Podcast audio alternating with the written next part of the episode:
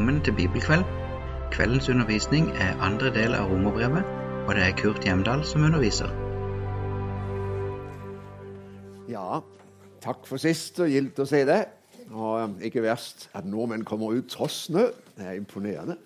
Jeg har jo opplevd noen ganger underveis at man har ledd litt av dansker som har problemer med snø, men jeg ler ved meg selv hver gang nordmenn møter den første snøen. For det er da pussig at man er nødt til å kjøre i grøften og uh, ha kaos i Oslo-området med en gang det er litt snø. Det, det har lett for å være sånn. Ja, ja. Jeg skulle ha besøk av en masse eldre prester i formiddag, og da ringte en av dem og sa nei, han, han var nødt til å legge om til vinterdekk. Og det tenkte jeg ved meg selv, det var vel på høy tid. Snøen var kommet, så jeg skjønte hvorfor ikke han kom. Ok, vi har vært i gang med romerbrevet siste gang, og vi skal fortsette med romerbrevet denne gang. Og vi rakk altså sist til kapittel, ut kapittel 8 og skal altså i gang fra kapittel 9. Paulus skriver brev til menigheten i Roma. Hvorfor gjør han det? Han har tenkt å besøke dem, sier han i kapittel 15. Og han vil gjerne presentere seg selv og sitt budskap, så de vet hvem han er, hva han står for. Og når han da kommer, så har de ikke et aldeles uh, fjernt forhold til ham. De har møtt det budskap han forkynner, og vet hva han representerer. Vi er i Korint. Det er slutten av tredje uh, misjonsreise. Han har vært det meste av tiden i Efesos. Nå er han brutt opp og er i ferd med å samle inn en stor pengegave til menigheten i Jerusalem fra menighetene i diasporaen, altså utenfor Jødeland. Og Derfor så er han også rundt Korint, hvor han var på sin andre reise. I kapittel 1, 18-39 har vi møtt evangeliet slik Paulus forkynner det. Og Det var det vi snakket om siste gang. I dag skal vi fortsette. Han er ikke ferdig med sin lærende hoveddel, med, sitt, med sin fremlegging av budskapet sitt. Han har én stor utfordring igjen før han kan gå over til formaningsdelen, slik han pleier å gjøre det når han skriver. Først lære, og så formaning. Det er ett punkt som han er nødt til å ta opp. Og Det gjelder rett og slett Guds løfter til Israel. For allerede opplever apostelen at det store flertall av jøder vender ryggen til sin Messias. De vil ikke vite av Jesus. Og hva betyr det? Betyr det at Guds løfter har slått feil? For det var jo løftene til Israel som ble oppfylt i Jesus Messias. Det var dem som skulle være de første til å få det. Vi møtte det i kapittel 1, 16. I evangeliet er en Guds kraft til frelse for hver den som tror. For jøde først, og så for greker, for ikke jøde. Hvor blir det av jødene? Er Gud ikke i stand til å oppfylle løftene sine overfor Israel? Det kan nesten se slik ut. Og Dermed står jo selve Guds troverdighet på spill. For kan Gud ikke oppfylle løftene sine til Israel, hva er så alt det andre verdt? Hvis Gud ikke er troverdig, kan vi da tro på evangeliet? Er Jesus da troverdig? Eller må vi bare si at ja, ja, det var vakkert så lenge det varte, og det var det. Lover Gud uten å holde det han lover. Det er det det dreier seg om. Kan vi tro evangeliet? Derfor må vi ha disse tre siste kapitler i den lærende hoveddel, som for veldig mange nok virker litt fremmede og litt fjerne.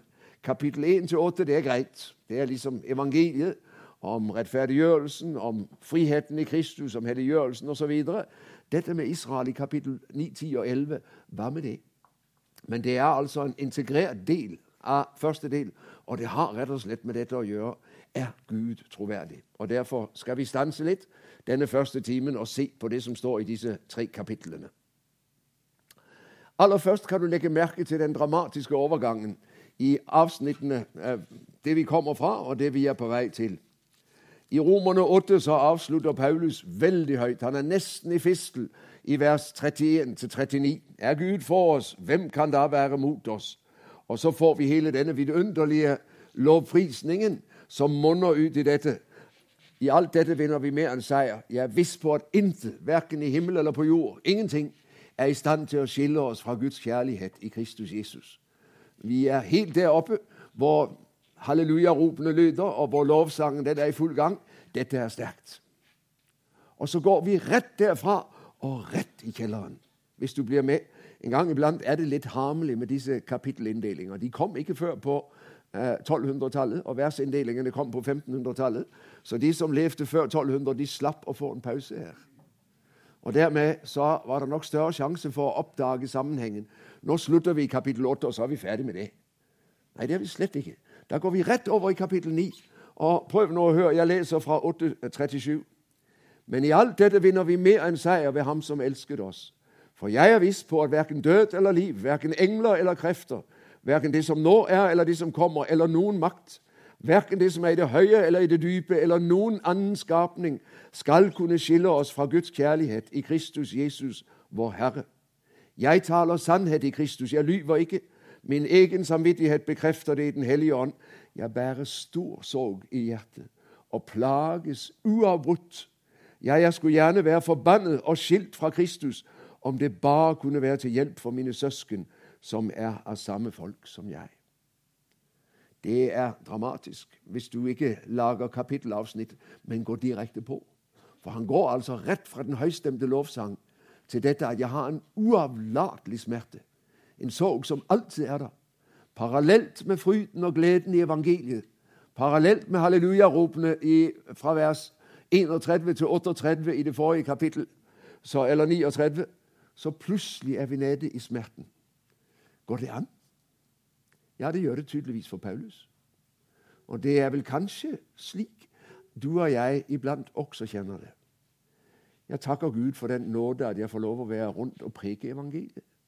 Men jeg må jo si, nettopp når du opplever at du får lov å forkynne evangeliet til en forsamling, og fortelle hvor mye Jesus betyr, så blir det så dramatisk utfordrende når jeg vet hvor mange som overhodet ikke er interessert. Også i min egen familie.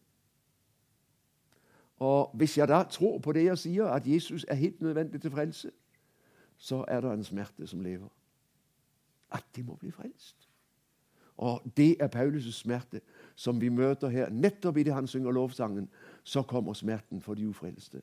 Hvis du ser videre fra vers 3.: Ja, jeg skulle gjerne vært forbannet og skilt fra Kristus, om det bare kunne være til hjelp for mine søsken, som er av samme folk som jeg. De er israelitter. De har retten til å være Guds barn. Herligheten, paktene, loven, tempeltjenesten og løftene tilhører dem. De har fedrene, og fra dem stammer også Kristus, han som er Gud overalt, velsignet i all evighet. Amen. Og de er ikke frelst. De sier nei til evangeliet. De vender ryggen til Jesus. Smerten den er overhengende hos Paulus. Det er hans eget folk. Det er hans egne slektninger. Det er dem han fremfor alt kjenner seg kalt til å gå til. Hvis du ser over i kapittel 11, eh, prøv å se ned i vers 11, vers 13. Kapittel 11, vers 13. Jeg sier dette til dere som tilhører hedningefolkene, altså oss.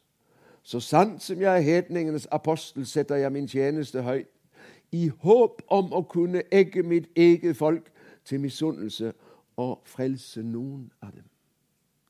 Også når han er i evangeliets tjeneste blant hedningefolkene, og når han gjør det han er kalt til å være hedningens apostel, så ligger det hele tiden under. Hva er det han ønsker? Hva søker han å oppnå? Og om jeg kunne få mine egne med. Og så aner vi at under kallet til å være hedningenes apostel så ligger fortsatt et sterkt ønske hos Paulus om å være apostel for sine egne. De har spyttet på ham, de har forfulgt ham, de har fengslet ham, de har gjort livet surt for ham på alle måter. Og han elsker dem, og han skulle ønske han kunne få lov å hjelpe dem til frelse. Han lever med denne smerten konstant, uavbrutt, sier han her i kapittel 9 fra vers 1 til 5. Altså fra den sterke lovsang til den dype smerte. De lever side om side. Derfor Ja, menneskesinnet rommer det. Og derfor hører det med til det å være en kristen. I det jeg synger lovsangen, så kjenner jeg samtidig sukket. Herre, at de må bli frelst. Jeg kan aldri slå meg til ro og synge 'Hør hvor det stormer der ute'. Her er det fredfullt og tyst. Vi har det jo så deilig. For de der ute er også mitt kall. Det er mine søsken, det er mine medmennesker. Og Gud elsker dem akkurat like mye som han elsker meg. Det er det som ligger bak en Hudson Taylor når han reiser til Kinas innland med evangeliet. Han går hjemme på kysten ved Bournemouth. De har stor misjonskonferanse, og de holder på og fryder seg over alt det som skjer i Afrika. Men for ham ligger det som en uavlatelig smerte. Mens jeg går her, så dør kinesere som aldri har hørt om Jesus. Og Derfor er han nødt til å gå. Og Derfor kaller han tusen med seg. For de må få lov å høre det. Og der ligger hemmeligheten.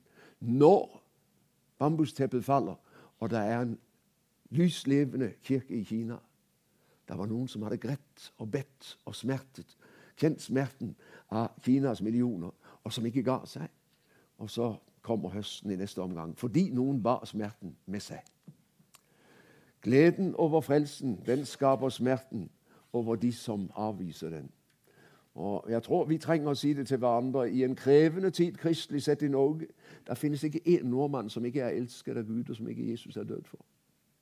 Også dem du tenker på med størst uvilje, de er dyrebare. Jeg fikk lov til i sju år å være landsstyreleder i Den norske Israelsmisjonen. Og jeg måtte si det rundt om i Norge blant Israels venner om igjen og om igjen. Ja, Gud elsker jødene, og han elsker Yasi Arafat. Alle er like dyrebare. Alle er like høyt elsket. Det er viktig å ta med seg. Og For Paulus er det altså særlig utfordrende, fordi frelsen var jo først tiltenkt jødene. Det var jo dem som skulle frelses først. Og så skulle hedningene komme. Og så opplever han altså jødene vender ryggen til. De som var de mest privilegerte, og som fremfor alt var gjenstand for Guds kjærlighet i Kristus. Og Legg merke til hvor sterkt uttrykket er i vers 3. For det han sier her i vers 3, det er så kraftig at det går nesten ikke an. Jeg skulle gjerne vært forbannet og skilt fra Kristus. Han sier jeg skulle, jeg skulle gjerne selv gå fortapt hvis noen kunne bli frelst på grunn av det. Det er sterkt. Det er utrolig sterkt. Og Paulus vet jo det nytter ingenting, og derfor så sier han jeg skulle gjerne vært. Men det hjelper ingen at han går fortapt. Vi har en parallell hvis du leser andre Mosebok, kapittel 32, 33, 34. Israel danser rundt gullkalven. Moses er på Sinai. Når, de, når han kommer ned, så hører han larmen fra leiren og vet hva det er. Og så går han inn i en utrolig intens bønnekamp. Hvis du leser kapittel 32 og 33 i andre Mosebok, det er noen av de sterkeste kapitler jeg vet om i Det gamle testamentet. Moses går inn i en intens bønnekamp med Gud om Israel og dets fremtid. Gud sier, 'Moses, disse er ikke noe å samle på. Trekk deg tilbake, og så skal jeg gjøre deg til et stort folk.' og Så lar vi disse, lar vi disse gå. De er ikke noe å samle på. Og Moses kjenner fristelsen, og han vet kan Gud ikke frelse dem, så hjelper det ikke at jeg blir et nytt folk istedenfor dem, for jeg har de samme kvaliteter. Og Så går han inn for Guds ansikt og sier, 'Herre, hvis du ikke går med oss og holder hånden om dette folk, så stryk meg av den boken du fører.' Det er det Paulus sier her også. Så stryk meg av den boken du fører. Herre, det er ikke interessant for meg å gå ett skritt hvis ikke du går med. Og det er dette folk du har utvalgt. Du må bli hos oss. Og Gud lar seg overtale. Det er to veldig interessante tekster i Det gamle testamentet. Første Mosebok 18, denne samtalen mellom Gud og Abraham. Herre, er det 50 rettferdige i Sodoma og Gomorra, så kan du ikke ødelegge byen. Er det 40, 30, 20, er det 10, så tør ikke Abraham gå lenger. Og Gud går med hele veien.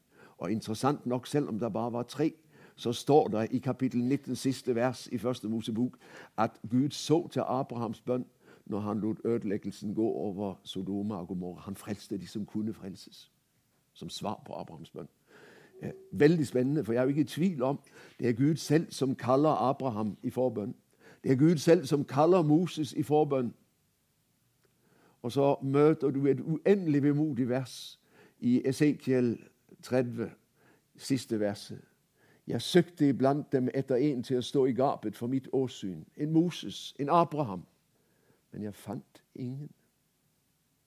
Og Det er så du kjenner Guds smerte. Hvor er den forbeder som nå kan bære det Israel som er i ferd med å gå dukken under Guds dom? Hvor er han som er villig til å stå i gapet? Jo da, svaret kommer i Det nye testamentet langfredag. Da stiller han seg i gapet for hele slekten ikke sant? og ber far forlate dem. De vet ikke hva de gjør. Og så er det en som er villig, og som er sterk nok. Men det er veldig interessant. Paulus bærer Kristi sinn, og det ser du her i Romerne 9. For han bærer Kristi smerte for de fortapte. Det er ikke likegyldig. Han sitter ikke inne og har det lunt og hyggelig, og så kan verden gå sin skjeve gang. Verden er hans nød. Folket er hans nød. Og her kunne det hjelpe noe at jeg gikk fortapt, så er jeg parat til det. Det er utrolig sterkt. Og det sier noe om Jeg tror ikke verken at du og jeg skal prøve å stille oss parallelt med Moses eller Abraham eller Paulus. La dem få lov å være så mye større enn oss. Og Samtidig så er det jo utrolig at du og jeg vi har adgang rett inn for Guds trone hvert øyeblikk. Bruk den. Bruk den. Det nytter å be for Kina, det nytter å be for Afrika, og det nytter å be for fru Hansen over gaten og ham du sitter ved siden av på kontorpulten. Og Gud spør hvor er dem som vil be for dem, så jeg kan få dem frelst. Så flott å være vitne, men det begynner innenfor Guds ansikt, der du og jeg bærer smerten for de fortapte, og ikke slår oss til ro, men blir ved med å minne Gud. Og Det er et herlig vers nå skal jeg avslutte den lille andakten, men det er et herlig vers i Lukas 18 om Jesus som sier til disiplene at de alltid skulle be og ikke bli trette. Og Så får vi lignelsen om enken og den urettferdige dommer. Og Så avsluttes den med at Jesus sier, 'Hør hva den urettferdige dommer sier.' Han som gir enken rett fordi han ikke tør annet, han er redd for hun skal slå ham. Skulle da ikke deres far i himmelen gi sine utvalgte deres rett, de som roper til ham dag og natt? Sannelig, han skal gi dem rett i hast. Det er et ord til deg og meg. Min venn, du har noen du roper til Gud for. Du har noen du bærer som en smerte på ditt hjerte. Og du minner Gud om dem hele tiden. Og Gud sier, skulle da ikke Gud gi sine utvalgte deres rett? Hva er retten? Det er bønnesvaret, naturligvis. Og Derfor må jeg la mine nærmeste, som ikke er frelst, ligge på Gud og si til ham, 'Herre, det er ditt problem, det er ikke mitt.' Jeg legger dem på deg. Jeg er ikke i stand til å frelse noen, men du kan. Og så får du nå inn til dem. Hvordan du gjør det, det er ikke min business. Du bruker den veien du vil. Men Herre, du kan ikke la dem gå fortapt. Ikke tale om. Og jeg har Guds ord for at jeg skal forsvare. Skulle da ikke Gud i sine utvalgte deres rett, de som roper til ham dag og natt? Kalt til medarbeiderskap. Kristiansand trenger det. Søgne trenger det. Grimstad trenger det. Norge trenger det. Hvem skal bære Norge fremfor nådens trone, om ikke du og jeg? Og Derfor er du et av de viktigste mennesker i Norge akkurat nå. For det er mennesker som deg Gud bruker til å føre sitt evangelium videre. Du betyr utrolig mye, for du er med i barneflokken. Du har adgang rett inn, og du kan når som helst si 'Far, du kan ikke la disse gå fortapt'. Det er litt av en utfordring. Ok, det var kveldens preken. De har pakten, de har loven, de har løftene, men de har altså vendt ryggen til Messias. Det er Paulus' smerte.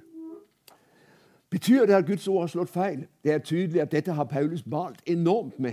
Det ligger på ham. Og i vers 6 sier han det er ikke slik at Guds ord har slått feil. Det kan se slik ut, men det er det ikke, for ikke alle israelitter tilhører virkelig Israel. Og så viser han oss utover at slett ikke alle israelitter er Abrahams barn, er troens barn. Mange vendte ryggen til troen også i den gamle pakt og ble stående utenfor velsignelsen. Det er i Abraham, gjennom Abraham at løftene de får sin oppfyllelse. De som er barn ut fra løftet, de er Guds barn. Slik er det allerede i den gamle pakt. Eh, han nevner det lenger ute når Elia på Karmel eh, står alene overfor hele Israel. Så kommer Elia i dyp anfektelse, og så sier han 'Jeg er alene tilbake'. Nei, sier Gud.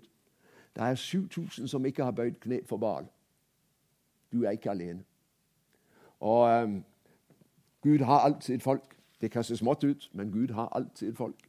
Og det har han altså gjennom den gamle pakt og inn i den nye. Så understreker han i neste omgang når Gud utvelger, så utvelger han suverent hvem han vil. Han utvalgte Abraham, Isak og Jakob. Han utvalgte Abrahams barn til velsignelse.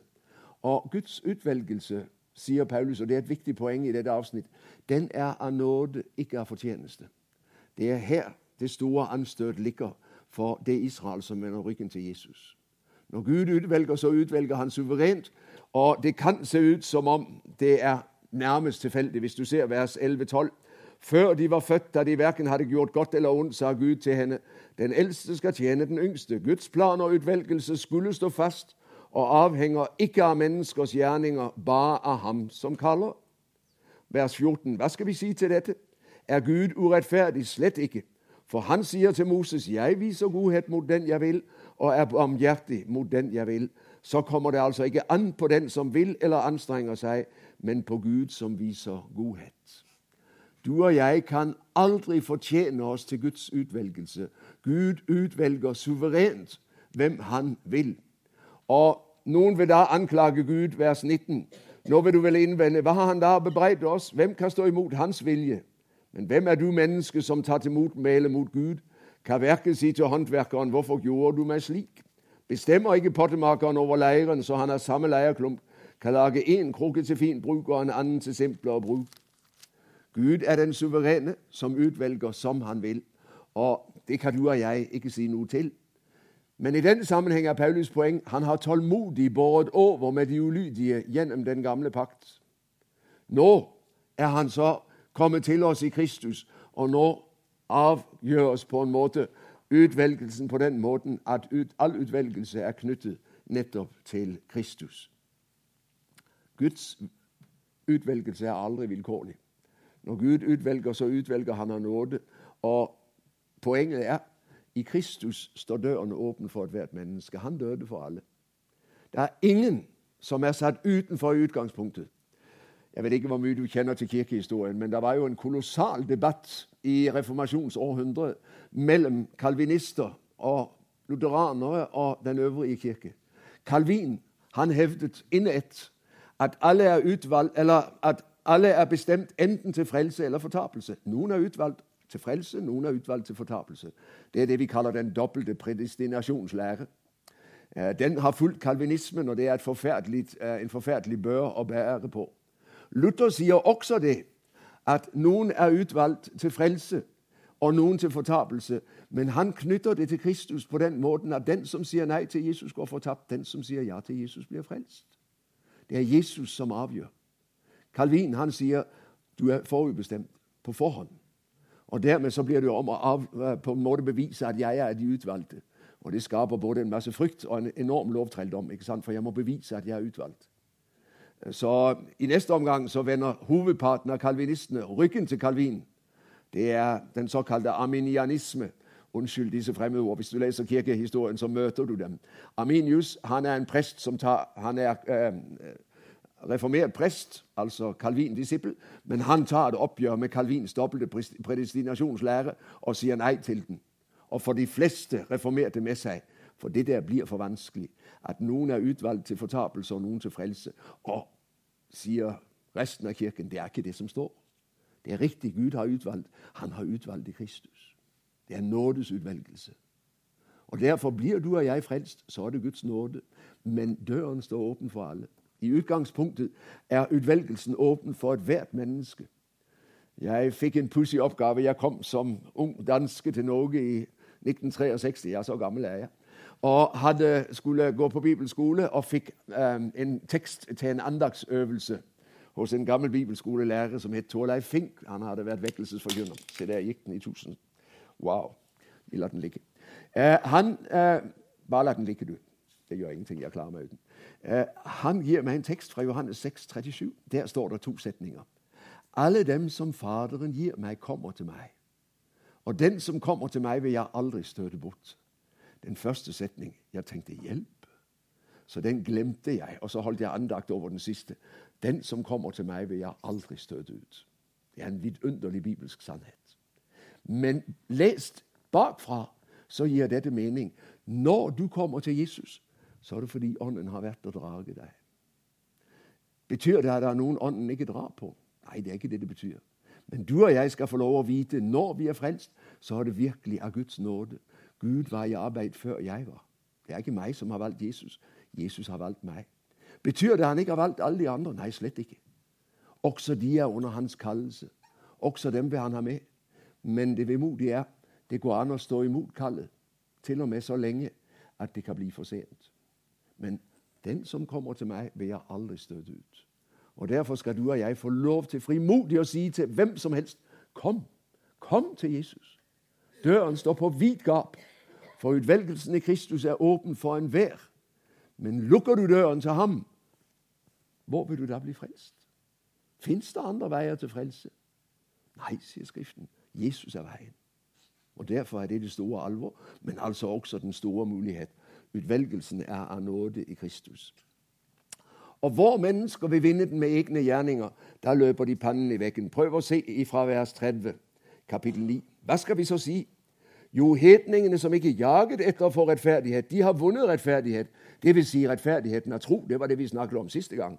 Men Israel, som jaget etter loven for å vinne rettferdighet, nådde ikke frem.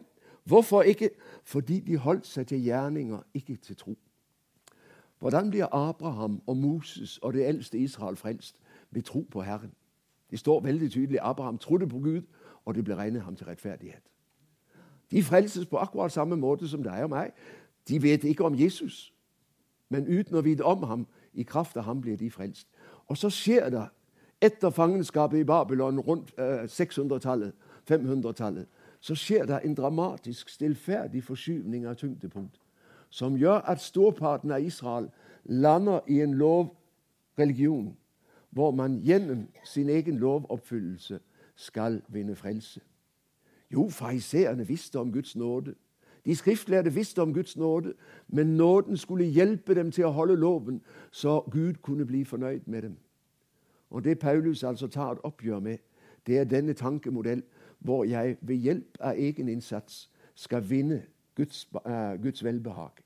Nei, sier han, det gjør du ikke. Du er ikke i stand til det. Loven er ikke i stand til å frelse et menneske. Loven er i stand til å arrestere deg og vise deg du er fortapt, at du er en synder. Loven er aldri gitt for å frelse. Det er misforstått. Men her er det altså skjedd en tragisk forskyvning i Israels forståelse av loven. Og når vi møter jødedommen på Jesu tid, så vil man altså frelses ved Guds nåde og ved egne krefter. Og Paulus må si den veien fører ikke frem. Du kan ikke frelses ved egen innsats. Det er Israels problem. Gud har i Kristus skjenket alle som tror sin rettferdighet, men de vil ikke tro.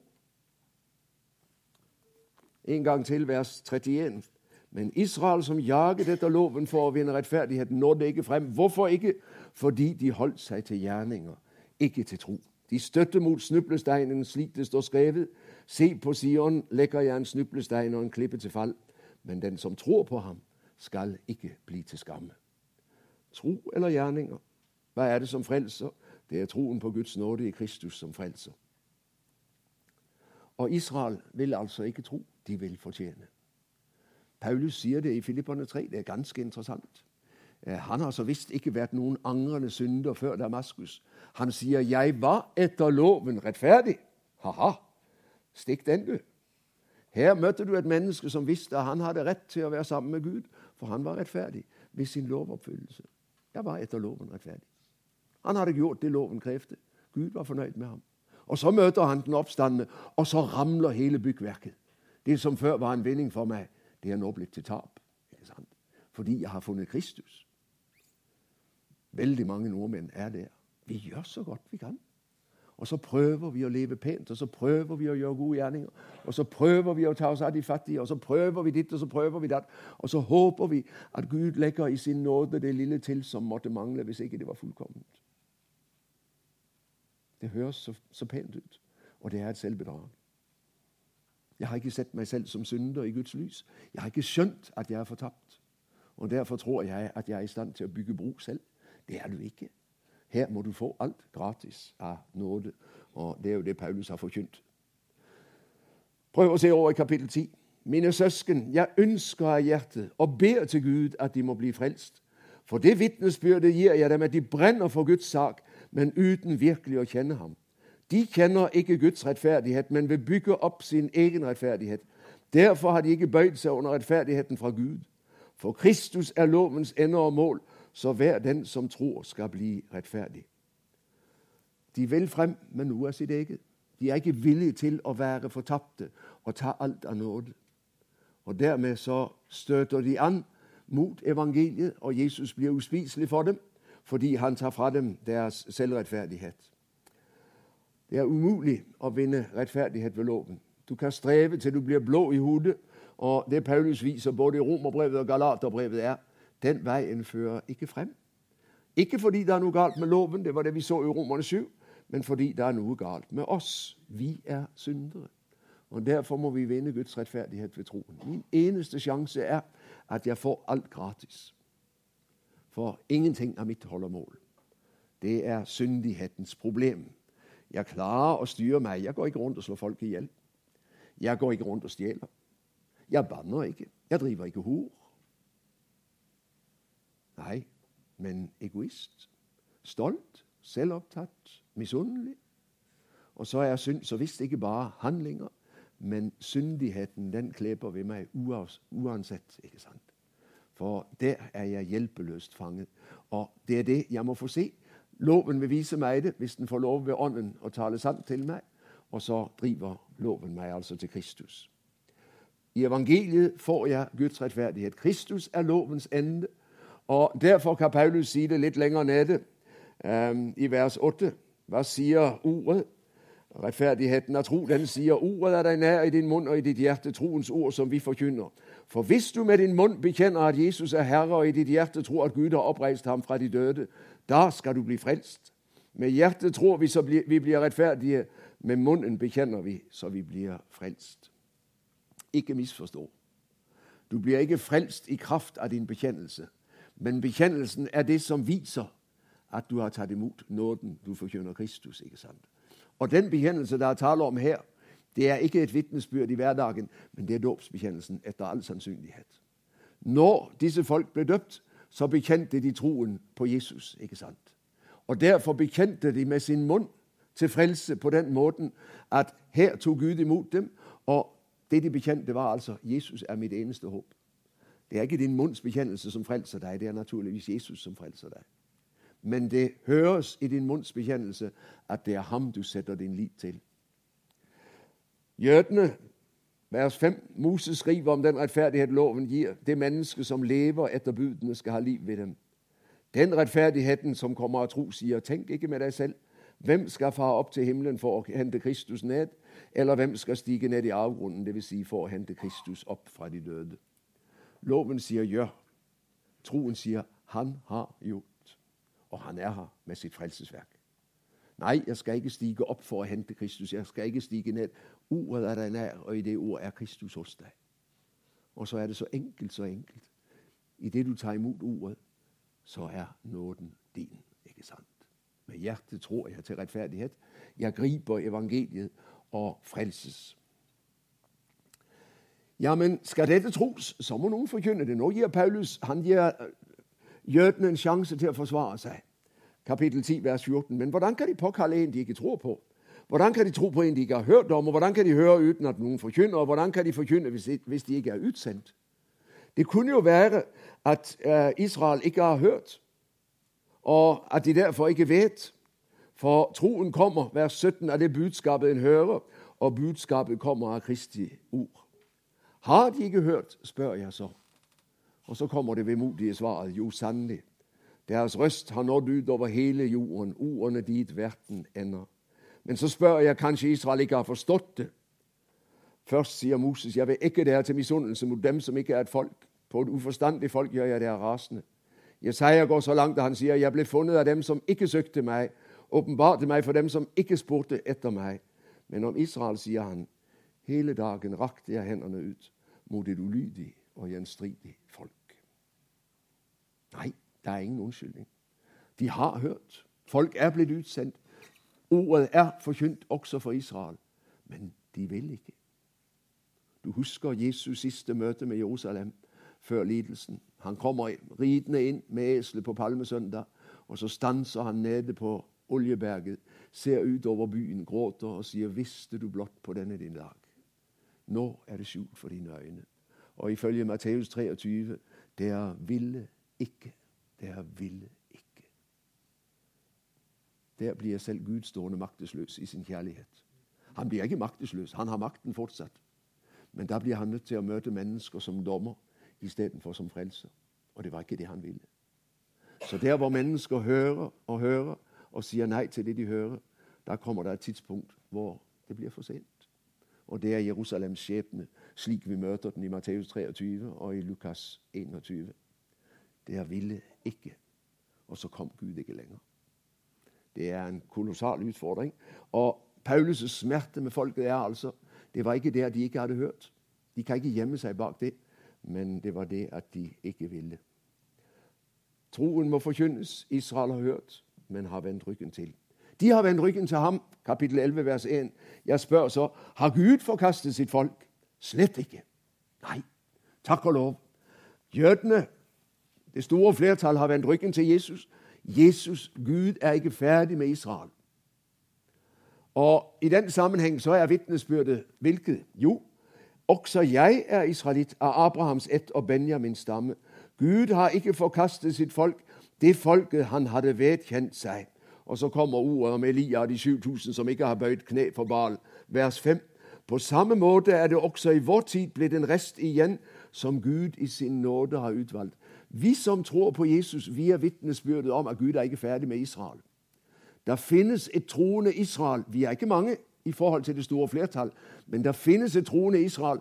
Det betyr at Gud er ikke ferdig med folket sitt. Noen har for en tid stillet seg utenfor, men eh, som Paulus er et vitnesbyrd om at Gud har et folk, så er det fortsatt mange jøder som tror på Jesus Messias. Det er det første. Og så i neste omgang om flertallet ikke behører, og altså dermed har satt seg selv utenfor frelsen, så er Gud ikke ferdig med dem. Vers 11.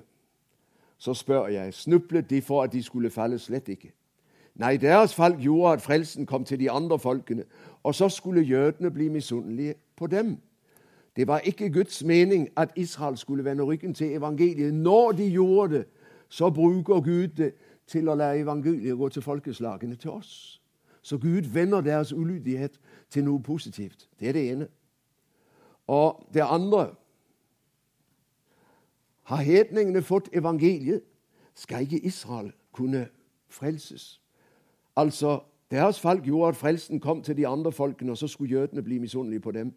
Når deres fall har ført til rikdom for verden, og deres tap til rikdom for de andre folkene, hvor mye mer skal det ikke da bety at de kommer med i fullt tall?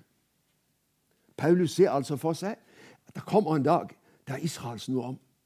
Nå har de vendt ryggen til flertallet, men Gud er ikke ferdig med dem. Vi er jøder. Gud arbeider fortsatt med det jødiske folk. Og de ulydige, han drar og drar og drar. Og igjen vers 13, altså. Jeg sier dette til dere som tilhører hedningefolkene. Så sant jeg er hetningenes apostel, setter jeg min tjeneste høyt, i håp om å kunne egge mitt eget folk til misunnelse og frelse noen av dem. Er det blitt til forsoning for verden at de ble forkastet? Hva må det ikke da føre til at de blir godtatt? Jo, liv er død.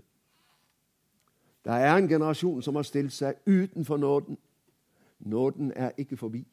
Og en dag, sier Paulus, så skal de komme i fullt tall. Og da skal det skje noe som du aldri har sett maken til. Når Israel vender om, da blir det altså en velsignelse over kloden og over folkene som er helt utrolig. Jeg skal komme litt tilbake til det. Se ned i vers 25. Jeg vil at dere skal kjenne til en hemmelighet, søsken, så dere ikke skal ha for høye tanker om dere selv.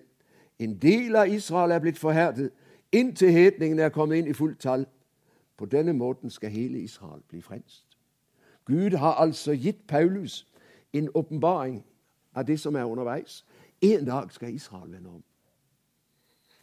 Jeg har i dag holdt foredrag for disse prestebrødrene om eh, Israelsmisjonens historie. og Det er veldig interessant å se at når Israelsmisjonen blir til i Norge på 1840-tallet, så sitter man i Stavanger og leser misjonsblad fra Tyskland og England og leser om dette at før Herren kommer igjen, så må det si to ting.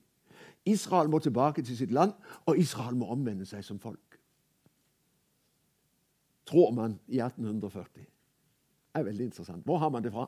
Det har man fra Tyskland og England, hvor man tror dette på 1700-tallet. Som igjen har trodd det fordi noen har trodd det lenger bakover. Ja, la det få lov å stå åpent hva som skal skje. Men eh, jeg har hjemme i min bokhylle stående en eh, bok om de siste tider og de siste mål.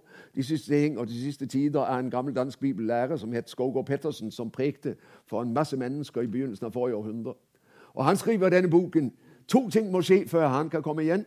Israel må tilbake til sitt land. Folket må omvende seg til Jesus som sin Messias. Så får vi jo se om det er nødvendig, begge deler. I hvert fall så er Israel kommet tilbake til sitt land, og noen tar i dag imot evangeliet i Israel, de messianske jøder. Hva er det som er på gang? Er det det vi leser om her? Paulus vet til sist skal hele Israel bli frelst. Så er det noen som mener og det må vi la ligge her, jeg kan ikke gå inn på det, så er det noen som mener at Israel, Israel skal bli de store misjonærer i tusenårsriket, og at det er det som er ment med det som står her i Romerne 11. Så er det andre som er veldig skeptiske på hele tusenårsriket og tror når Israel vender om, så kommer Herren igjen, og så er vi i den nye himmel og den nye jord. Og så kan du få lov for min skyld å tenke om det akkurat hva du vil. Jeg skal ikke prøve å pådute deg noe synspunkt i den sammenheng. Men Paulus antyder altså når Israel en dag snur om, så kommer det til å få enorme virkninger. Det står der i hvert fall veldig tydelig. Altså, Gud vil ikke jødene til misunnelse. Og som sagt, når deres forherdelse har en slik virkning, hva skal da ikke deres antakelse bety? Eh, det var det vi leste akkurat nå. Og så sier Paulus i vers 17-21.: Se Guds godhet og strenghet. Her sømmer det seg ydmykhet. Ikke bli høye på pæra, fordi dere nå er dem som er sluppet inn mens Israel står utenfor. Og det er jo sånn, vi, vi, er jo så dumme sånn. Så reagerer vi sånn. ikke sant? Ha-ha, nå var det oss som fikk ballen. Nå kan dere ha det så bra. Nei, sier Paulus, husk, dere har det av nåde. Dere har ikke fortjent det. Og er Gud i stand til å frelse det av nåde, skulle han ikke da også være i stand til å frelse sitt eget folk av nåde? Skal ikke Gud en dag greie å hente dem inn også? Paulus har tydelige tanker om Israel også i tiden som kommer. Av nåde er hedningene blitt innpodet i det ekte oliventreet som er Israel. Skulle Gud da ikke kunne innpode igjen de som egentlig hører til treet? Jo, naturligvis. Og Derfor venter altså Paulus at en dag så skal jødene som folk vende om. Det eneste folk i Bibelen som har løfter om frelse, det er Israel. En dag skal Israel som folk vende seg til Messias. Det er kanskje overturen vi hører i disse årene. Det får jo tiden vise. Det vet bare Gud. Men Israels skjebne og hedningenes skjebne viser Guds godhet og strenghet. Guds strenghet mot dem som falt, dem som sa nei takk. De blir stående utenfor. Den gamle historien fra ørkenvandringen. Alle som vandret ut av eh, Egypt sammen med Moses, hvordan gikk det med dem? Hele den voksne generasjonen fra 20 år opp efter, de falt i ørkenen, for de ville ikke gå inn når de eh, fikk sjansen. De hørte ikke på Josva og Caleb som sa vi tar dem som en bit brød. De hørte på de ti andre speiderne som sa vi kan ikke ta dem, vi har ikke sjans. Og dermed falt de i ørkenen. Det folk som opplevde undergangen i 586, de gikk under når Babel overkjørte Jerusalem. Men hver gang fortsatte Gud sin historie, for han var ikke ferdig med sitt folk. Han står ved sine løfter. Og Derfor eksisterer Israel den dag i dag. Masser av folk er blitt borte i historiens mørke. Jødefolket tålte 2000 års utlendighet, og de eksisterer fortsatt som folk. Hvorfor? Fordi Gud har lovet at de har en fremtid. De står under Guds løfter, og derfor kan dette folk altså ikke gå til grunne og står som et mektig vitnesbyrd om Guds makt og om Guds godhet, tross alt. Vi er innpodet alene av Guds nåde i det sanne oliventre, og som sagt, til sist skal hele Israel bli frelst. Og For meg står det slik her er Guds visdom. Vi var de siste. Du vet hva det står i Matteus 20. De første skal bli de siste, og de siste skal bli de første. Vi var de siste, for det var jøde først, og så hedning. Så sa jøden nei takk, og dermed fikk vi sjansen å bli de første. Og så skal Israel til sist komme, de også. De var først og ble sist.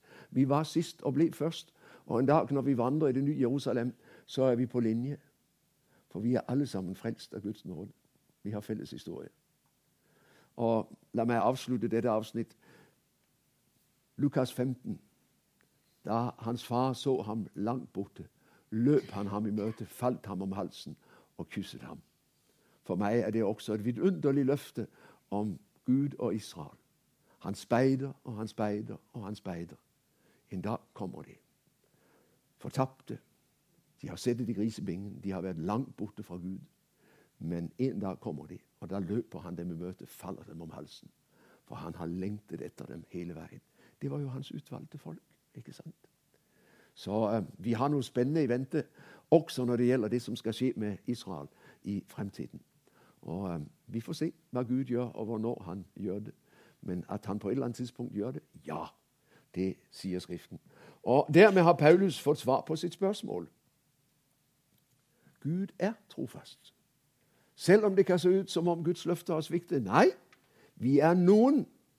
Og en dag kommer alle Gud står ved sine løfter. Du behøver ikke være redd. Ikke bare Israel, men vi kan vite at evangeliet er til å stole på. Jesus narer ikke. Du kan ha opplevelser og anfektelser hvor du synes Gud har sviktet deg. Han svikter deg aldri. Vær klar over det. Og Derfor må Paulus avslutte i kapittel 11 i tilbedelse og lovsang. Og dyp av visdom og rikdom og innsikt hos Gud. Vi leser fra vers 33. Og dyp av rikdom og visdom og kunnskap hos Gud. Hvor uransakelige hans dommer er, hvor ufattelige hans veier. Hvem kjente Herrens sinn, og hvem var hans rådgiver? Hvem ga ham noe først, så han skulle få noe igjen? For fra ham og ved ham og til ham er alle ting. Ham være ære i all evighet. Amen. Hvor uransakelige hans dommer er, hvor ufattelige hans veier. Det gjelder Israel, det gjelder verden, og det gjelder deg. Du og jeg er ikke i stand til å følge Guds vei. I etterkant så aner vi kanskje at det var en vei. Forfra ser vi den ikke. Men en dag skal vi få lov å se den. Og jeg har lyst til å ta deg med inn i en liten opplevelse jeg hadde nettopp i den sammenheng. I den gamle oversettelsen så sto det 'Hvor usporlige er hans veier'. Hvor usporlige er hans veier. Du kan ikke se sporene, men veien er der. Jeg har kjørt bil i Nepal. Det var en utrolig opplevelse. Elleve timer fra Okaldunga til Katmandu. Og heldigvis hadde sjåføren kjørt der før, for jeg hadde aldri funnet frem. Rett som det var, så var veien borte. Men han visste hvor han skulle kjøre, og vi kom til Katmandu. Men veien var virkelig usporlig. Jeg har sittet i et fly på vei fra Namsos til Værnes en mørk uh, høstaften for mange mange, mange år siden. En liten Twin Otter. Jeg satt rett bak cockpit. Og inne i cockpit satt to piloter og kjørte flyet trygt fra Namsos i nattemørket. Når du så ut, så så du enkelte huslys ned, langt nede, og ellers så var det stummende mørkt. Men mellom disse to piloter så hang det et kart over luftveiene i Norge. Og det var også luftveien fra Namsos til Værnes tegnet inn. Hvordan finner du veien? Nøkkelen heter radiofyr. ikke sant? Radiofyr som fører flyet fra det ene sted til det neste. Og disse karene kunne jobben sin. Og ganske riktig, en halv time etter vi startet fra Namsos, gjennom dette bullrende mørket, så var vi på Værnes. Der lå den lysende og fin under oss. Jeg hadde ikke hatt sjansen, men fordi de kjente kartet og visste hvordan man finner usporlige veier i mørket, så kom vi trygt frem. Og så ser jeg for meg ham som har makten, og som ser alle de usporlige veier i ditt og mitt liv og i menneskers liv. Det skal bli spennende en dag når vi plutselig ser veiene bakfra. Og um, Derfor fortsett å be, også om det du ikke syns du ser svar på. Bli ved med å si det. En dag skal du se veien. For Gud er i arbeid, og han står bak sine løfter. Han kan ikke fornekte seg selv. Han er tro mot seg selv. Og Derfor å legge sitt liv i Guds hånd er det tryggeste du gjør, for da er du midt i Guds omsorg, og han bærer deg hvert sekund. Også og nettopp når du ikke ser det. Og Der kjenner den gamle sangen om sporene i sanden. ikke sant? Og han som sa 'Hvorfor var det bare ett spor når jeg hadde det riktig vanskelig?' Og Gud som sa 'Ja, men det var jo når jeg bar deg'. En vidunderlig tekst og en vidunderlig sannhet. Hvor usporlige hans veier er. Gud kommer frem. Vær du sikker. Ok, dette skulle ikke være et vekkelsesmøte, det skulle være en undervisningskveld. Jeg beklager, men eh, jeg håper du tåler det. Og eh, Nå tror jeg vi må ha en liten pause etter dette. Vi har enda et langt avsnitt fra kapittel 12, men jeg tror vi tar pausen før vi begynner på kapittel 12. Så er det ti minutter, et kvarter? Ja. Fem over åtte. Da begynner vi igjen.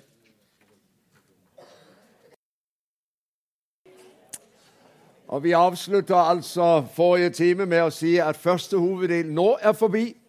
Vi måtte ha med kapittel 9-11 for å komme igjennom hele den lærende hoveddel og få bekreftet Gud er trofast, han står bak sine løfter. Nå har Paulus presentert sitt evangelium for oss for romerne som han skriver til.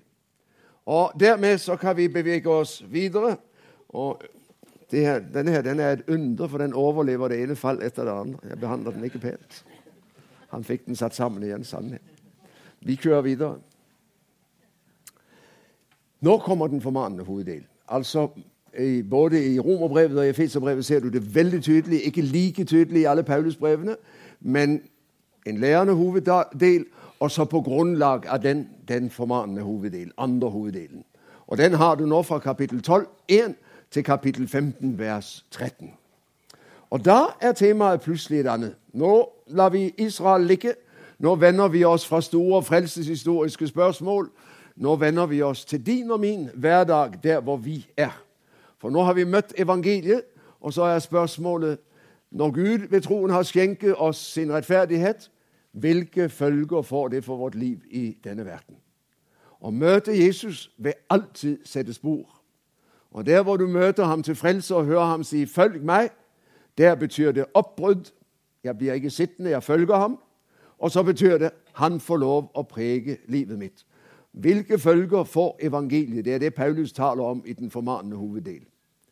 Og Legg nå merke til det er nåden som vil få konsekvenser for livet ditt. Nåden vil få konsekvenser. Dette er viktig. Formaning er ikke som mange tenker jaha, nå har Gud gjort sitt, så nå må jeg gjøre mitt. Nå har Gud vist meg nåde og vennlighet, og da må jeg vise at jeg har fortjent det. Og så begynner folk å løfte seg selv ved nakkehårene, og så er vi tilbake under loven. Nei, nei, nei. nei. Vi er ferdig med å være under loven. Vi lever i nåden, og nåden vil få konsekvenser. Formaningen Ordet formaning på gresk det betyr rett og slett Det kan oversettes trøste eller oppmuntre. Eh, det betyr rett og slett å oppmuntre til å leve ut det du eier. Du har fått all Guds herlighet i Kristus. Jesus er din. La ham nå få lov å utfolde seg i livet ditt. Det er ikke spørsmål om at du skal løfte deg selv ved hårene, men det er spørsmål om å ta imot Ånden, og så la Ånden få lov å være herre i livet ditt. Du er kalt til å høre Jesus til. Du skal få leve i og av nåden. Det er ikke bare rettferdiggjørelsen som er av nåde. Også livet er Guds nåde i, mitt, uh, i min situasjon. Jeg siterer Efeserne 2,10.: For vi er Hans verk, skapt i Kristus Jesus til gode gjerninger som Gud på forhånd har lagt ferdig for at vi skal vandre i dem. Det ligger der. Vær så god. Begynn å gå, og så vandrer du i det Gud har lagt ferdig til deg. Det er ikke så vanskelig. Det er noe med å starte der du er. Hva starter du med om, da, om, om morgenen? Med å gå på badet og pusse tennene? Ja, fortsett med det. Det er Guds gode vilje for deg. Det er veldig godt for alle oss andre, i hvert fall. Altså ikke ta seg sammen, nå må vi, men våge å satse på Guds barmhjertighet. Og Legg merke til når vi leser de første versene nå i Romerne 12, 1 og 2, hva Paulus sier her i disse versene. Og bare få slått opp igjen. Derfor formaner jeg dere ved Guds barmhjertighetssøsken, ber kroppen frem som et levende og hellig offer til glede for Gud. Det skal være deres åndelige gudstjeneste. Innrett dere ikke etter den nåværende verden, men la dere forvandle ved at sinnet fornyes, så dere kan dømme om hva som er Guds vilje, det gode, det som er til glede for Gud, det fullkomne. Altså Derfor det hviler på hele det forrige avsnitt, på hele det lærende avsnittet. Fordi vi nå i Kristus er nye, derfor formaner jeg dere ved Guds barmhjertighet.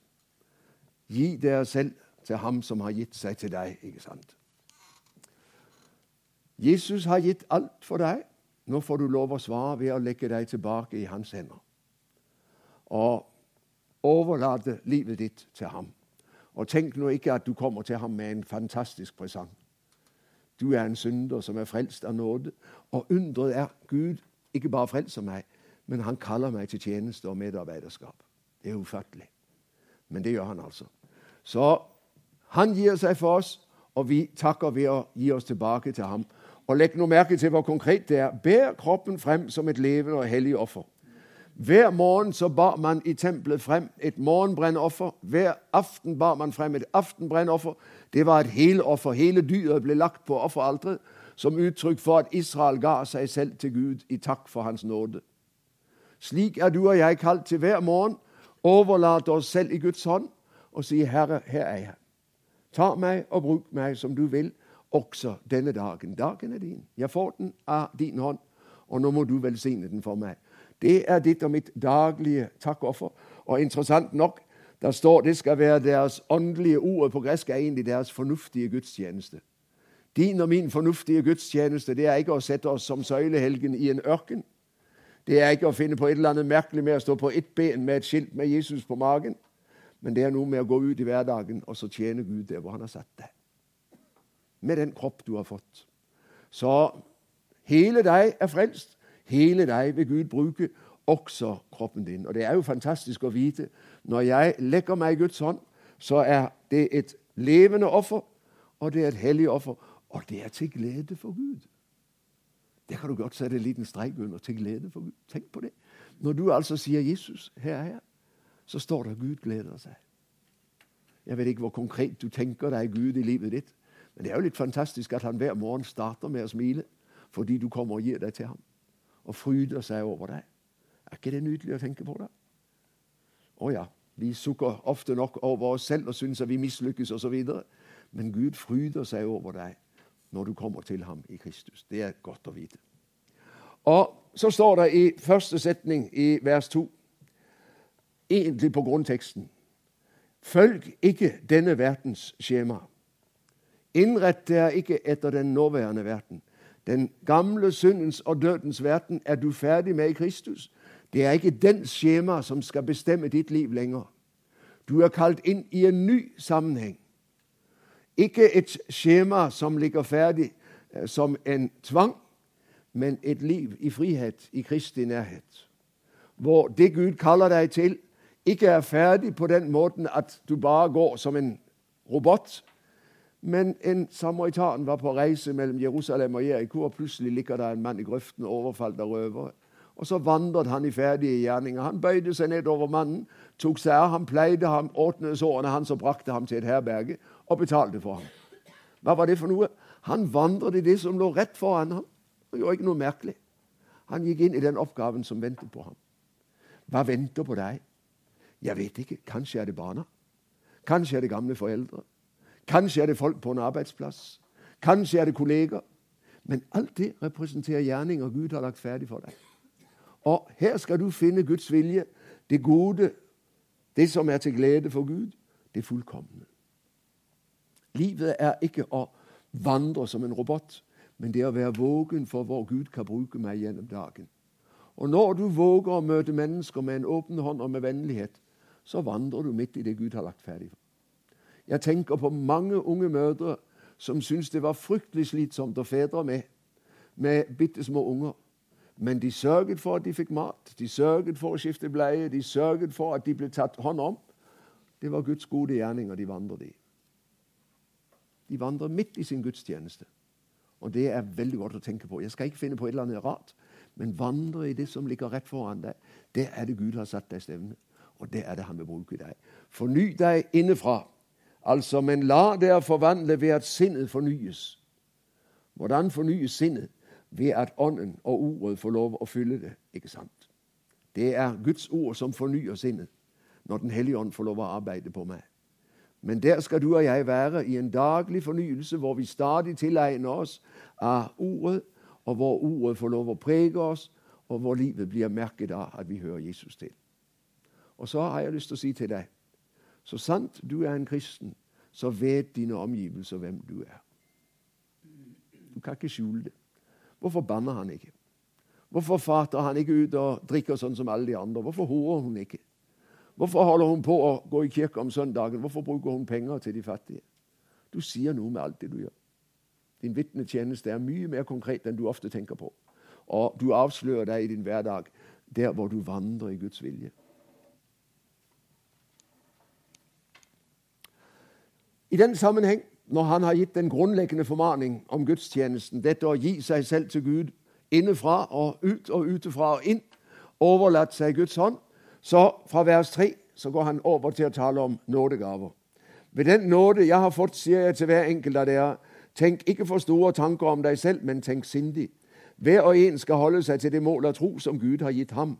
Vi har én kropp, men mange lemmer, alle med ulike oppgaver.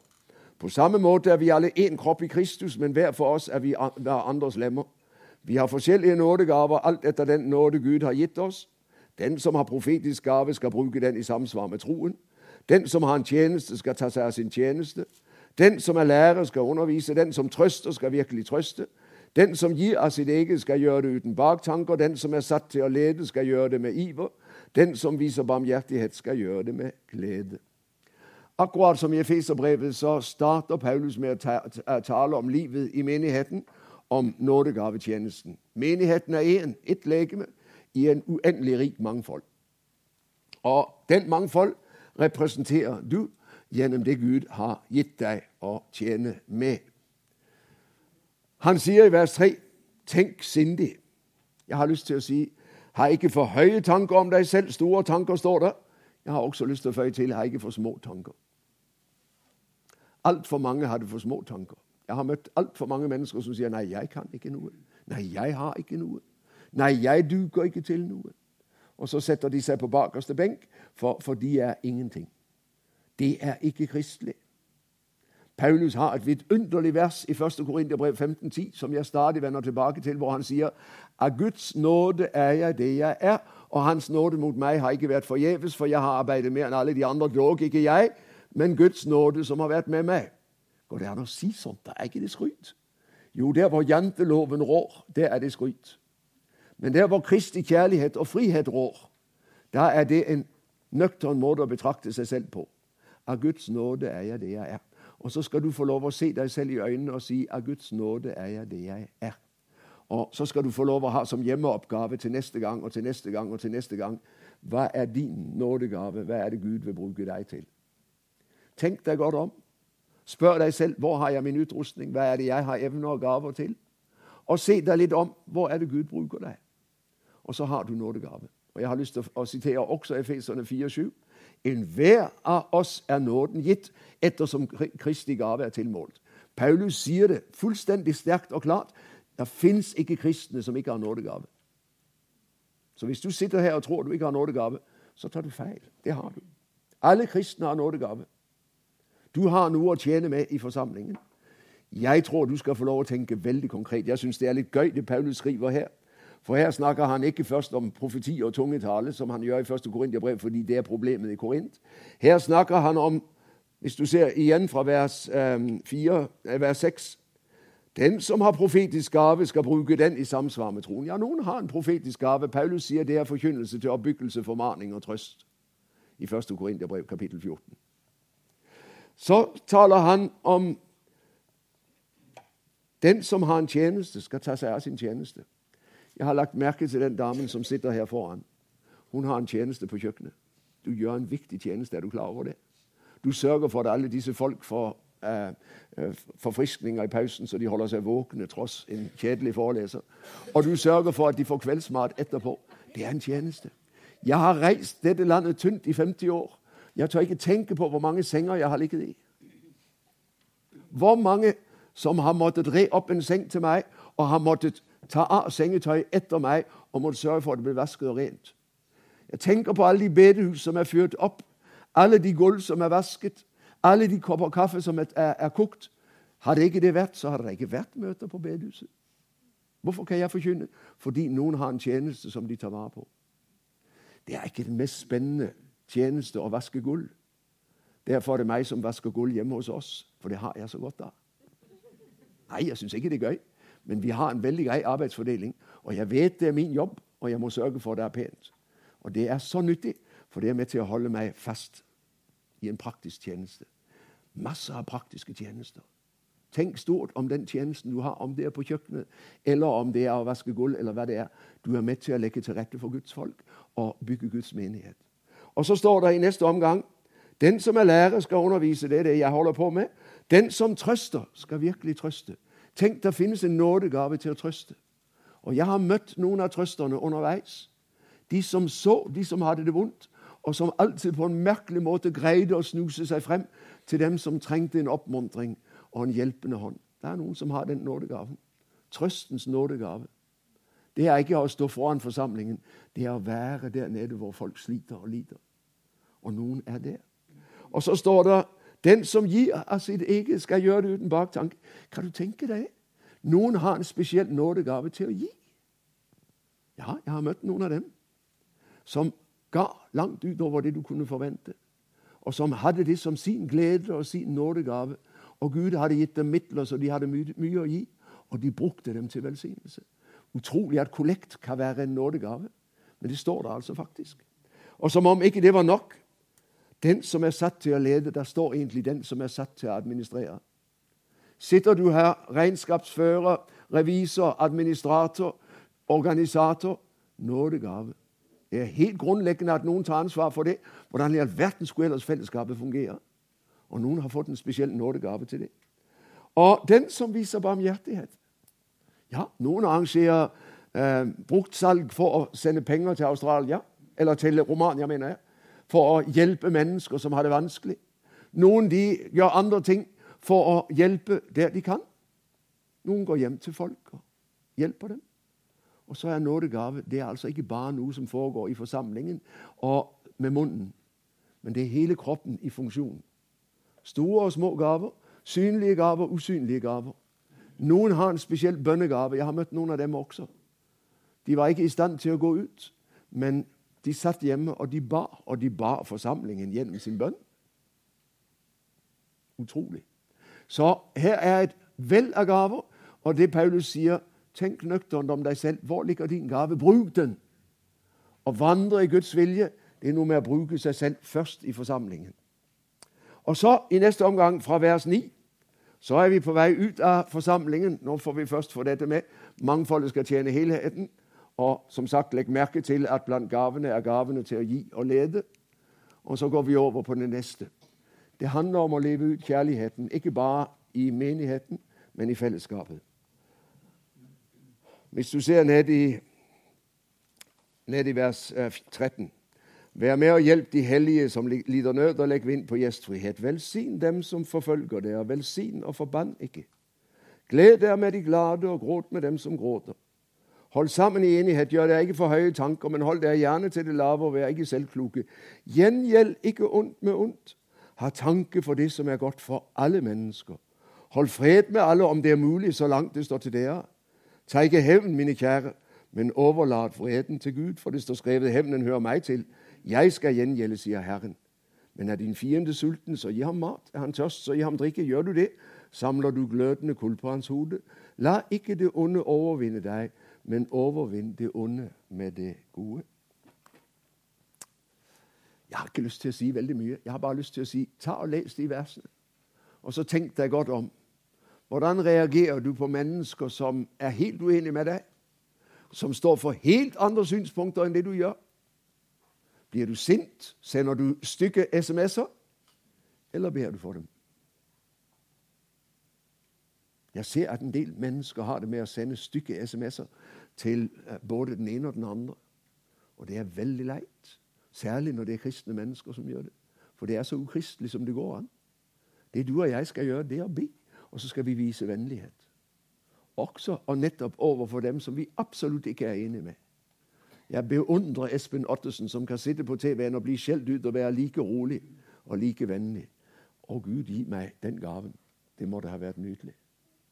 Tenk å kunne møte mennesker vennlig uansett hvordan de møter meg. Det er litt av et vitnesbyrd. Og det er noe med å leve som kristen i verden, der hvor Gud har satt meg. Leserne bor i verdenshovedstaden i Roma. Og Det betyr naturligvis at de er nødt til å forholde seg til keiseren. For de har ham altså midt i byen sammen med alle soldatene sine. Hvordan skal en kristen forholde seg til myndighetene i samfunnet? Nei, vi lever heldigvis ikke i et keiserlig diktatur. Vi lever i et folkestyre. Vi er selv en del av styret gjennom vår stemmerett. Men fortsatt så er vi altså del av et fellesskap, og vi leser kapittel 13 fra vers 1. Enhver skal være lydig mot de myndigheter han har over seg, for det finnes ingen myndigheter som ikke er fra Gud, og de som finnes, er innsatt av Gud. Den som setter seg opp mot dem, står derfor imot det Gud har bestemt, og de som gjør det, skal få sin dom. For de som styrer, skal ikke skape frykt hos den som gjør det gode, men hos den som gjør det onde. Vil du slippe å frykte myndighetene, så gjør det gode, og du skal få ros. Styresmakten er en Guds tjener til beste for deg. Men gjør du det onde, har du grunn til å være redd, for styresmakten ikke svært uten grunn, men er Guds tjener som skal fullbyrde hans straff over den som gjør det onde. Derfor er det nødvendig å være lydig, ikke bare av frykt for straffen, men også for samvittighetens skyld. Betal også skatt av samme grunn, for myndighetene er Guds tjener og har ansvar for alt slikt. Gi alle det du skylder dem. Skatt til den som skal ha skatt, toll til den som skal ha toll, og respekt for dem som skal ha respekt, ære dem som skal ha ære. Hvordan skal jeg stille meg til myndighetene? Og Det Paulus sier, det er rett og slett vi skylder dem respekt og lydighet. Når myndighetene vel å merke gjør den gjerning de er satt til, nemlig å fremme den gode gjerning og hindre den onde. Når myndighetene derimot gjør det motsatte, fremmer den onde gjerning, så kan det bli aktuelt med sivil ulydighet. Men så lenge myndighetene gjør sin gjerning sånn som de skal, så lenge skylder vi dem respekt. Det er veldig interessant, for du møter tre forskjellige situasjoner i Det nye testamentet. I Romerbrevet så skriver Paulus i en situasjon hvor det er rolig i Romerriket, og hvor forfølgelsen tydeligvis ikke er sterk. Vær lydig overfor myndighetene. I 1. Peters brev så møter vi øh, menigheter som er trakassert, og som har det tøft. Og det er ikke så enkelt, dette med myndighetene. Og i Johannes' åpenbaring 13 så møter du myndigheten som monster. Dyret som stiger opp av havet. Den romerske keiser som forfølger de kristne og prøver å utrydde dem. Ikke i noe tilfelle så gis det beskjed om opprør. Men det betyr altså kristne må regne med at myndighetene kan jeg oppleve forskjellig. Så langt jeg kan, skal jeg være lydig mot dem. Eh, I Tyskland på 40-tallet, 1940-tallet så var det mange som var opptatt av dette. En av dem det var en Dietrich Bonhoeffer som ble henrettet 9.4.1945 i en konsentrasjonsleir. Han var en fremtredende teolog, og han jobbet intenst med dette. Er det lov å ta livet av tyrannen? Altså går det an å reise seg mot Hitler og ta livet av ham. Han var med 20.07.44 blant dem som var med til å prøve å sprenge Hitler i luften. Derfor måtte han dø. Men for ham var det altså en, en meget aktuell spørsmålsstilling. Når en mann ødelegger landet sitt sånn som Hitler gjorde, kan det være tillatt å skaffe ham av veien? Det er ikke noe enkelt spørsmål. Det finnes ikke enkle svar. Men heldigvis, det er ikke du og jeg. Det vi skal ta med oss fra Romerne 13, det er altså så lenge myndighetene gjør den gjerning de er satt til, så skal vi vise dem lydighet. Det betyr, og jeg sier det med en liten hakk til meg selv, hold fartsgrensene. Sørg for å oppføre deg ordentlig i trafikken. Loven er der for at den skal holdes, og den er der til beste for fellesskapet. Altså betal skatt, sørg for å betale toll. Gud, Jeg husker jeg hadde besøk av noen danske venner den gang sukkeret i Norge var billig, og de hadde kjøpt masse sukker. Og jeg må jo si jeg reagerte når de den morgenen de skulle reise hjem, eh, sa til meg nå hadde de bedt Gud inderlig om at tollerne ikke skulle oppdage hvor mye de smuglet med seg. Det var ikke kristelig i det hele tatt. Ikke tale om. Nei, så blir du tatt, så får du betale boten. Jeg hadde hatt et nydelig møte inne på Spydeberg for noen år siden mens jeg var prest på Ski. Det var en mandagskveld. Jeg hadde hatt det travelt i helgen og travelt på mandagen. Jeg var sliten, så når jeg satte meg i bilen etter møtet og kjørte hjem, så slappet jeg helt av. Satte på noe vakker musikk og hadde en herlig stund. Inntil lyset plutselig blinket. Det var ikke en Guds åpenbaring, men det var noe ganske annet. Og det var en dyr åpenbaring, det kan jeg love deg.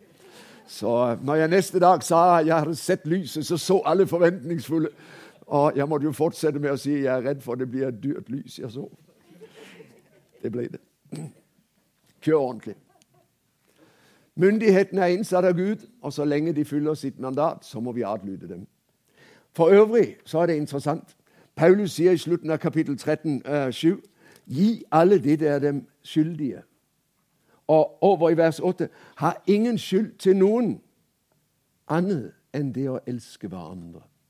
På ett punkt blir du og jeg alltid skyldige. Det trenges alltid mer kjærlighet i verden. Det blir aldri for mye av den. Og her blir du og jeg alltid stående i gjeld. Det var så mange mennesker som skulle nås, som skulle besøkes, som skulle tas hånd om. Og du og jeg, vi rakk noe, men vi rakk slett ikke alt. Og der kjenner jeg her er jeg alltid skyldig, for det er alltid enda flere oppgaver. ikke sant? Ok, vi er nødt til å finne en balanse, men har ingen skyld til noen annet enn det å elske hverandre. Og Så er kallet altså å vise kjærlighet, sier Paulus. Og han begrunner det i vers 11.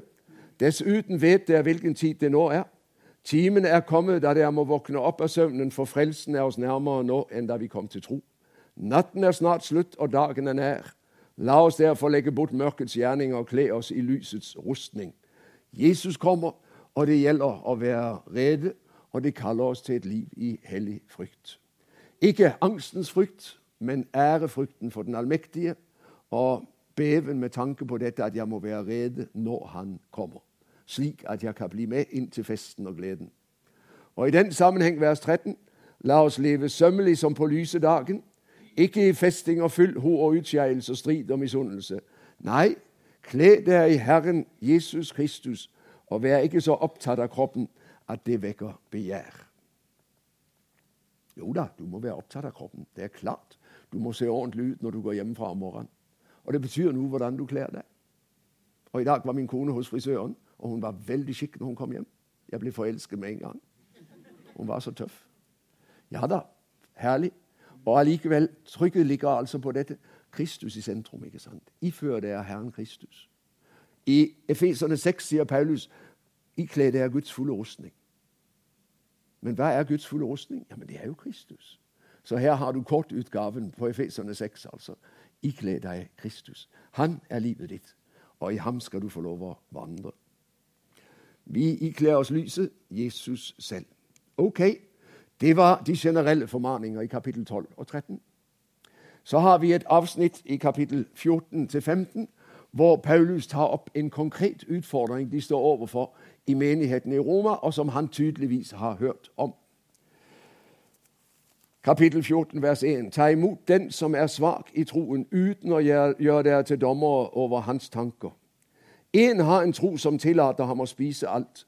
Den svake spiser bare grønnsaker. Den som spiser, skal ikke se ned på den som ikke gjør det, og den som ikke spiser, skal ikke dømme den som spiser. Gud har jo tatt imot ham. Hvem er du som dømmer en annens tjener? Om han står eller faller, er hans Herres sak, og han skal bli stående, for Herren har makt til å holde ham oppe. En gjør forskjell på dager, en annen holder alle dager for like.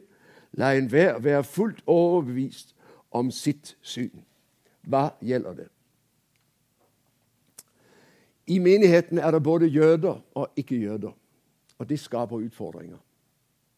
Jødene kommer fra et regime med en samvittighet som reagerer i forhold til mat og dager, for loven har lært dem at den maten er uren, og den maten er ren. Det er sabbaten, og det er helligdagen de andre dagene. Da kan vi arbeide, men sabbaten, da kan vi ikke arbeide.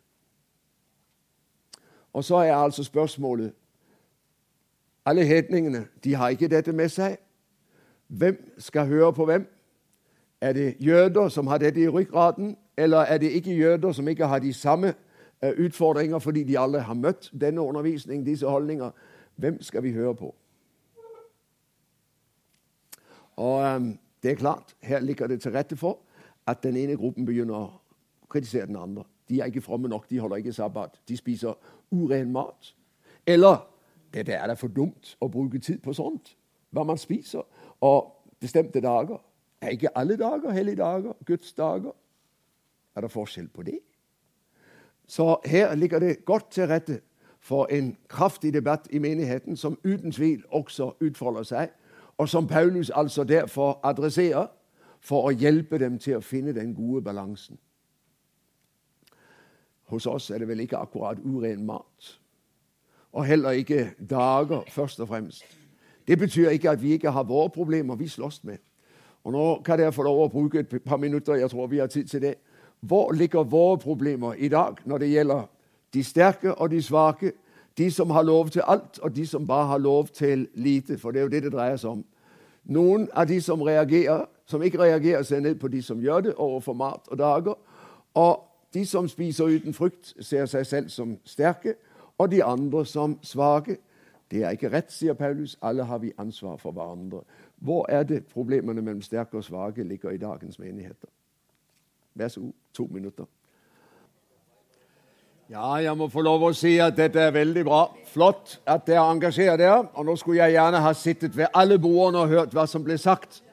Vi har ikke tid til å ta en gjennomgang av hva alle sa, men er det noen som våger seg på med et eksempel, så hører jeg gjerne på det. Hvor kan vi ha slike problemer i dag i dagens menighet? Noen som tør? Jeg vet jo i hvert fall hvor vi hadde det i forrige generasjon. Veldig sterkt, for den vokste jeg opp i.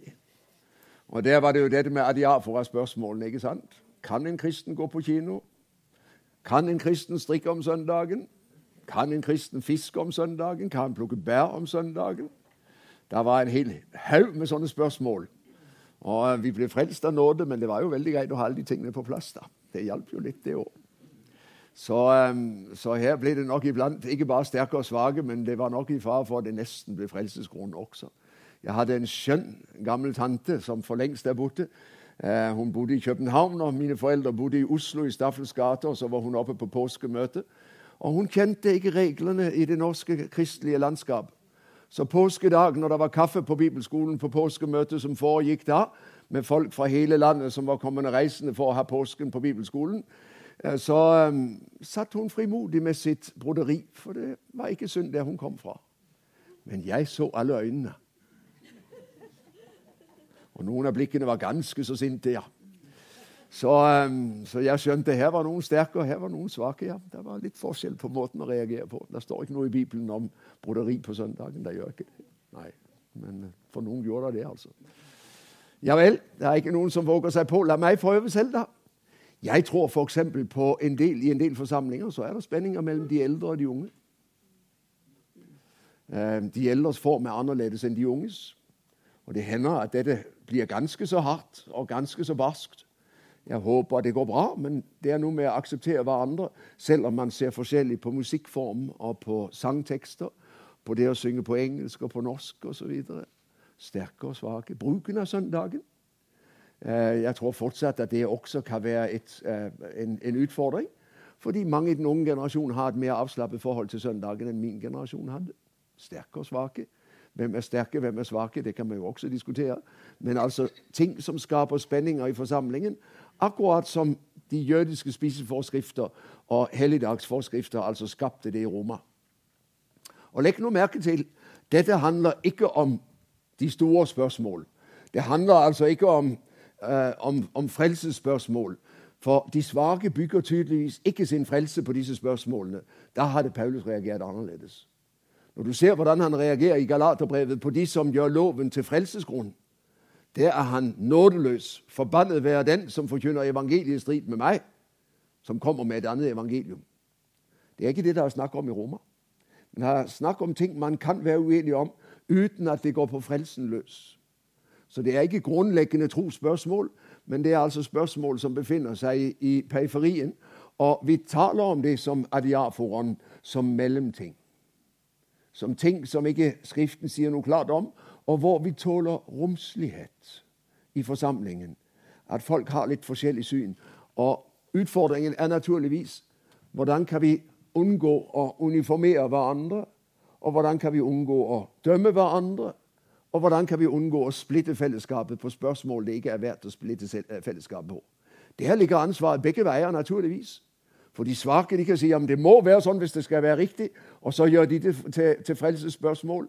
Og de sterke kan kjøre så hardt på de svake at de mister motet, og så blir det også galt. Å leve i fellesskap er alltid en utfordring og alltid en øvelse. Det er helt klart. Og i enhver kristen forsamling vil det til tider være ting som skaper spenning og spørsmål vi ser litt forskjellig på. Eh, jeg tenker på et annet spørsmål. Jeg begynte min tjeneste i Hedmark. Jeg meldte meg ikke inn i noe parti. Jeg hadde masser av både kommunister og arbeiderpartifolk på møte på bedehusene. Og i noen hus inne på Finnskogen så hang Karl Marx og Jesus ved side, side om side. Ja, Det hadde med deres situasjon å gjøre. Skogsarbeidere som var underbetalt, og som befant seg nederst på, på rangstigen. Hvordan skulle de klare å komme ut av dette?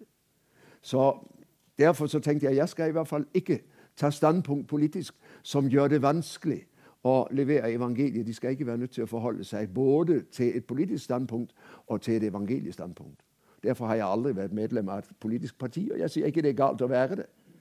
Kallskapellanen i en av menighetene i nærheten av der hvor jeg bodde i Hedmark, han var medlem av Høyre, og sine ham. Men eh, jeg tenkte jeg vil ikke ha den belastningen med meg rundt i møte med folk. Jeg vil kunne møte dem fritt. OK, vi velger forskjellig. Noen anfektes altså av slike ting, og det må det tas hensyn til. Ikke gjør det vanskelig for dem som ser annerledes på, du, eh, på, på, på en sak som du ser sånn på, så lenge det ikke går på grunnleggende spørsmål. Så lenge det ikke går på noe Skriften taler tydelig om. Vi har råd til romslighet oss imellom. Og Det er det Paulus sier. Ingen må dømme hverandre i disse tingene. Men det er ikke lett. I 1977 så ble jeg bedt om å holde foredrag på Indremisjonsselskapets generalforsamling i Stavanger. Jeg skulle ha et seminar, og det handlet om Indremisjonen og kulturen. Da var fjernsynet blitt så vanlig rundt om i de tusen hjem at jeg tok et lite oppgjør med denne tenkning at kino er synd. Jeg sa det er jo ikke kinoen som er synd, det er jo det du ser, som avgjør om dette er godt eller nedbrytende. Så her er vi nødt til å ta stilling fra film til film og fra utsendelse til utsendelse. Du kan ikke si at saken i seg selv er synd. Og Der kom en eldre kar til meg etterpå, og han var hvitglødende av raseri. Jeg kjente ham godt, og jeg visste han så mye på fjernsyn. Det sitter i veggene, sa han. Det sitter i veggene. Kinoen var synd, og det satt i veggene. Jeg kunne ikke gjøre så mye med det. Han måtte få lov å mene det. Og jeg fikk ta en liten omgang kjeft for det, og det levde jeg med. Men her er det altså Det ofte kan bli vanskelig for oss, for vi blir så engasjert, ikke sant? Og så er det viktig La oss huske at vi ikke dømmer hverandre i spørsmål vi ser forskjellig på. Vi kan leve med uenighet når det gjelder adiafra, mellom tingene. Og det må vi alle øve oss i. Å vise respekt for andres synspunkter selv om vi er uenige. Og så våge å leve videre sammen. Og huske på, som Paulus skriver her i kapittel 14, vers 17, hvis du slår opp og ser For Guds rike består ikke i mat og drikke, men i rettferdighet, fred og glede i Den hellige ånd. La oss huske hvor trykket ligger, og så la trykket være de riktige steder. Det er viktig hvem som frelser. Det er viktig dette med de grunnleggende trossannheter og etiske sannheter. Men det finnes altså spørsmål hvor vi har rom til uenighet. Du skal få med deg én ting til i forbindelse med dette avsnitt. I 1521 møter Luther på kirkemøtet i Wartburg, eh, eller på keiseren har riksdag i Wartburg. Og Der blir han utfordret på sin lære og bedt om å tilbakekalle. og Det er jo da han sier disse berømte ordene. At her står jeg, jeg kan ikke annet. Han kan ikke tilbakekalle så lenge han ikke ut fra klare sannheter i Guds ord er blitt overbevist om at han tar feil. På veien hjem så blir han kidnappet. Man tror at det er noen som vil ta ham av dage, men i virkeligheten er det hans venner som bringer Nei, han, det var ikke i Wartburg, det var i Worms. Denne riksdagen var unnskyld. Det var i Worms. Men på veien hjem blir han kidnappet, så blir han brakt til borgen Wartburg som ligger rett opp fra Eisenach i eh, Saksen. Og Der blir han holdt eh, i skjul.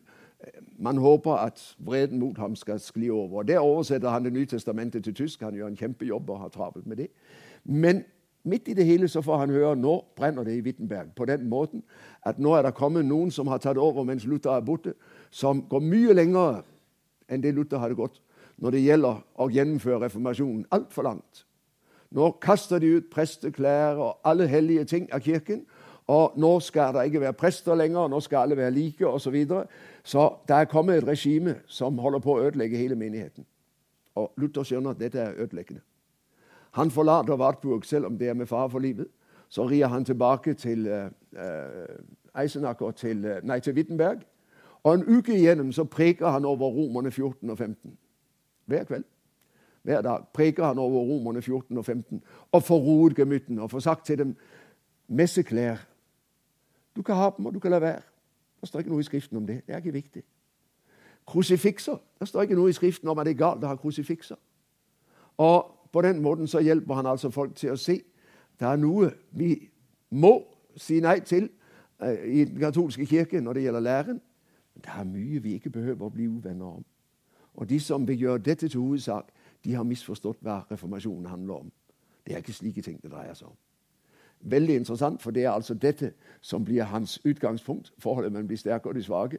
Når han setter tingene på plass i Wittenberg, hin berømte novemberuke i 1521. Ok, det var litt utenfor skjema, men det kan være interessant å vite at akkurat en sånn tekst faktisk har en kirkehistorisk plass uh, på den måten at den er brukt. Ok, nå har jeg tydeligvis fått et problem fordi jeg har lagt Bibelen på der. Det bør man ikke gjøre. må jeg få den vekk. Sånn. Da kan vi vel komme videre, tenker jeg. Som Kristus har tatt imot oss, skal vi ta imot hverandre, sier Paulus. Det er hans konklusjon. Ikke dømme hverandre, men behandle hverandre med Kristi kjærlighet, slik at det er godt å høre til i fellesskapet. Og Fra 15-14 år ut brevet er Paulus så i gang med å fortelle om sine planer. Det har vi snakket om, så det skal jeg ikke bruke mye tid på. Han trenger hjelp for å komme videre til Spania, kjenner seg ferdig i øst og vil vestover. Først skal han altså til Jerusalem med en innsamlet gave til modermenigheten. Kapittel 15, vers 25. Leser du det? Han er spent på om de vil ta imot ham, og hvordan de vil ta imot ham.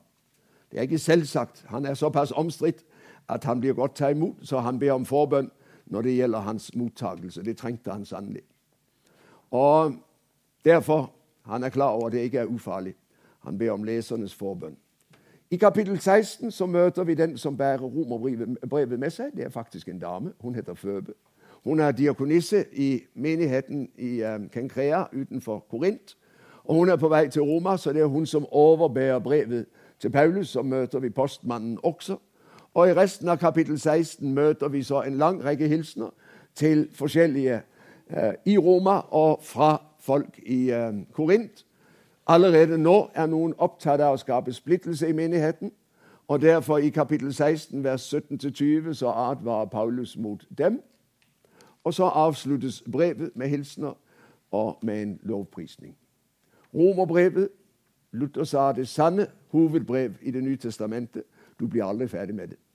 Og jeg har lyst til å si les det om igjen og om igjen, gjerne med en god kommentar. Hvis du får tak i gamle Øyvind Andersens kommentar til romerbrevet, så er den utrolig verdifull. Men uansett så finnes det mye godt kommentarstoff til romerbrevet, og vi er midt i sentrum av evangeliet. Så det er et brev som fortjener oppmerksomhet, både når det gjelder den undervisende del, og når det gjelder den formanende. For vi trenger å minnes om dette. Vi skal få lov å ofre oss selv til Kristus, og han fryder seg over det offer. Mine venner, der er vi kommet til punktum, og det er kveldsmat om et øyeblikk. Og jeg må få lov å si takk for oppmerksomheten.